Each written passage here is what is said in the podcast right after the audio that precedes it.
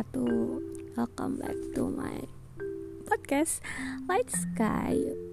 Hmm, Surat ya bu ya?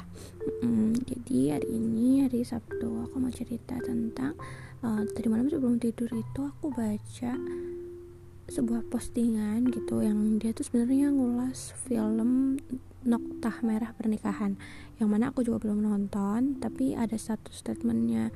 Si pemosting itu yang menurut aku ih ini kosakata baru gitu. Aku baru aku baru ngerti baru baru ketemu tadi malam gitu. Apa tuh kosakatanya? Kosakatanya adalah adalah kompresi oh, komunikasi yang terkompresi gitu. Jadi apa itu tuh komunikasi? Komunikasi. Jadi apa tuh? Komunikasi yang terkompresi. Komunikasi yang terkompresi itu adalah uh, komunikasi yang semakin ringkas, padat dan langsung dimengerti gitu. Bukan jelas ya maksud maksud lebih lebih gak jelas sih sebenarnya tapi karena terbiasa jadi kita ngerti maksudnya. Contohnya tuh kayak gini. Dia nyontohinnya tuh kayak gini. Jadi waktu pertama kali masih baru kenal sama orang gitu bilangnya uh, wahai temanku bolehkah aku meminta tolong kepadamu untuk mengambilkan handphoneku yang ada di meja itu gitu? Nah terus ketika udah udah jadi bestie eh guys minta tolong dong HP ku gitu. Terus abis itu ketika udah udah nikah gitu bilangnya uh, yang HP ku yang gitu. Tapi nanti kalau udah 20 tahun nikah jadi HP yang gitu terus nanti kalau udah tua malah cuma bilangnya HP gitu. Nah itu tuh uh, contoh dari kompresi komunikasi. Komunikasi yang terkompresi. Uh, komunikasi yang terkompresi itu sebenarnya juga bisa jadi parameter bahwa kita udah sedekat itu sampai kita nggak perlu ngomong banyak kita udah ngerti satu sama lain gitu.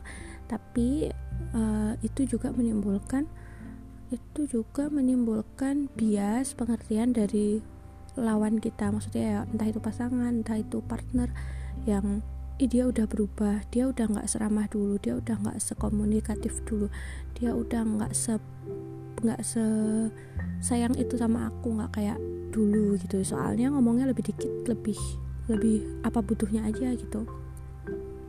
Nggak apa ya effortless gitu loh komunikasinya kayak gitu. Nah tapi kalau aku memandangnya dari sudut pandang yang lain gitu sebagai hubungan keluarga kan selain suami sama istri juga ada anak dan orang tua ya. Itu kayak uh, anak yang merasa anak akan merasa kurang kurang merasakan paparan perhatian dan sayang dari ayahnya misal atau dari ibunya ketika orang tuanya tuh ngomongnya tuh sedikit ngomongnya sedikit cuma apa perlunya aja gitu. Dan itu menjadi sebuah instruksi ketika tidak ditanyakan pendapatnya dulu tidak ada agreement dari uh, anak dan orang tua. Itu sih kalau misal aku nanti pengen ya kalau misal nanti aku punya anak tuh anakku itu nggak terbebani untuk melakukan sesuatu uh, dan terlebih lagi tidak terbebani atas harapan yang disandarkan kepada dia gitu. Bahkan harapan itu lebih berat daripada sesuatu untuk dilakukan gitu kalau menurut aku loh ya. Karena harapan itu adalah sebuah ekspektasi yang nggak ada batasannya dan effortnya itu nggak bisa diukur gitu. Nggak bisa diukur dalam artian bisa sangat berat sekali bisa sangat rumit sekali dan bisa menimbulkan ya apa ya kayak perlu dikaliku untuk dikaliku yang lebih rumit untuk memenuhi sebuah ekspektasi daripada memenuhi sebuah instruksi gitu. Jadi hmm, kalau aku inginnya nanti kalau aku punya anak tuh uh, aku antara aku dan anakku tuh harus ada agreement sebelum dia mengemban sesuatu instruksi instruksi ataupun harapan dariku gitu. Contohnya tuh kayaknya lo ya contohnya tuh gini. Kan aku belum punya anak ya jadi nggak ngerti uh, contohnya kalau misal uh, uh, ya ada hari libur gitu terus habis itu aku butuh bantuan atau aku mau mengajari anakku tentang sesuatu harusnya semestinya gak harusnya sih semestinya aku harus bisa meluangkan waktu buat aku nanya gitu halo nak kamu lagi ngapain? gitu lagi sibuk apa sekarang?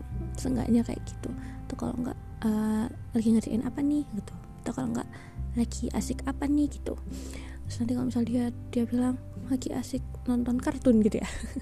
Terus aku aku harus tanya gitu mau nggak kalau ibu ajarin sesuatu? Ajarin apa? Ajarin cuci baju gitu misal. Atau kalau nggak ajarin uh, memotong daun-daun di taman gitu. Ya pokoknya uh, agreement dulu ada ada persetujuan. Jadi gitu uh, menurutku itu adalah salah satu cara untuk membuat dia itu belajar memberikan pendapat terus habis itu belajar uh, membuat prioritas tapi nggak ter nggak secara terpaksa gitu nggak secara uh, by accident atau tergan uh, ter terpaksa oleh situasi gitu kayak kayak aku sampai sebesar ini aku tuh belajar memprioritaskan berdasarkan apa yang sudah aku alami yaitu aku beberapa kali mengalami kesulitan untuk melakukan apa yang harus dilakukan terlebih dahulu kayak gitu. Jadi skill prioritizing eh, eh, skill memprioritaskanku itu nggak sebagus itu karena waktu kecil mungkin aku nggak dilatih kayak gitu gitu. Ibuku uh, ibuku jago dalam meng mengasuh anak gitu. Tapi tapi waktu itu mungkin ibuku belum terpikirkan kayak aku gitu.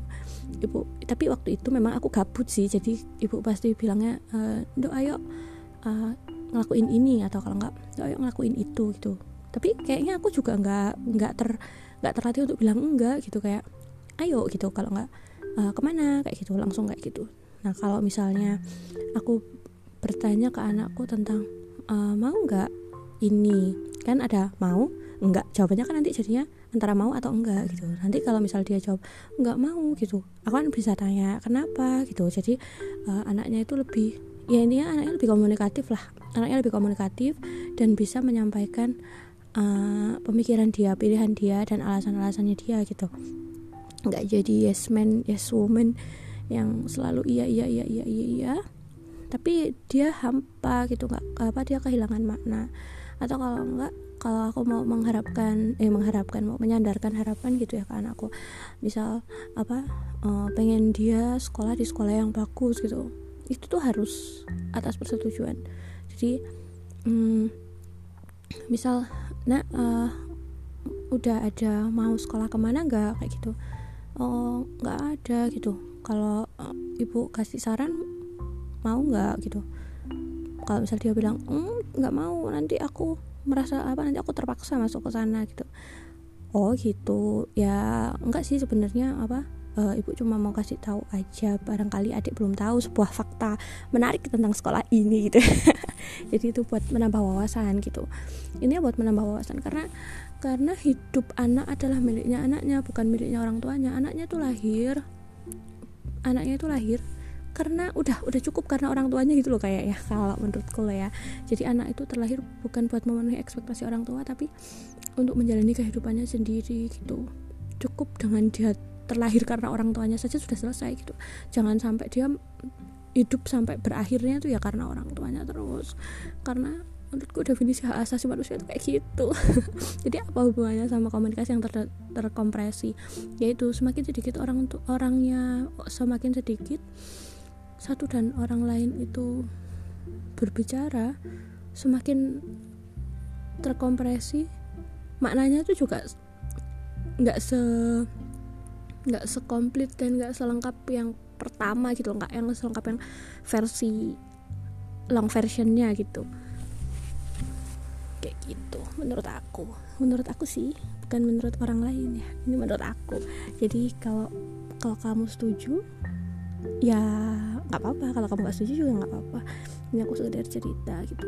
Uh, bahwa nggak cuma ke pasangan aja komunikasi itu bisa terkompresi ke siapa pun gitu. Dan akan lebih sakit kalau yang terkompresi adalah komunikasi dari orang tua ke anak.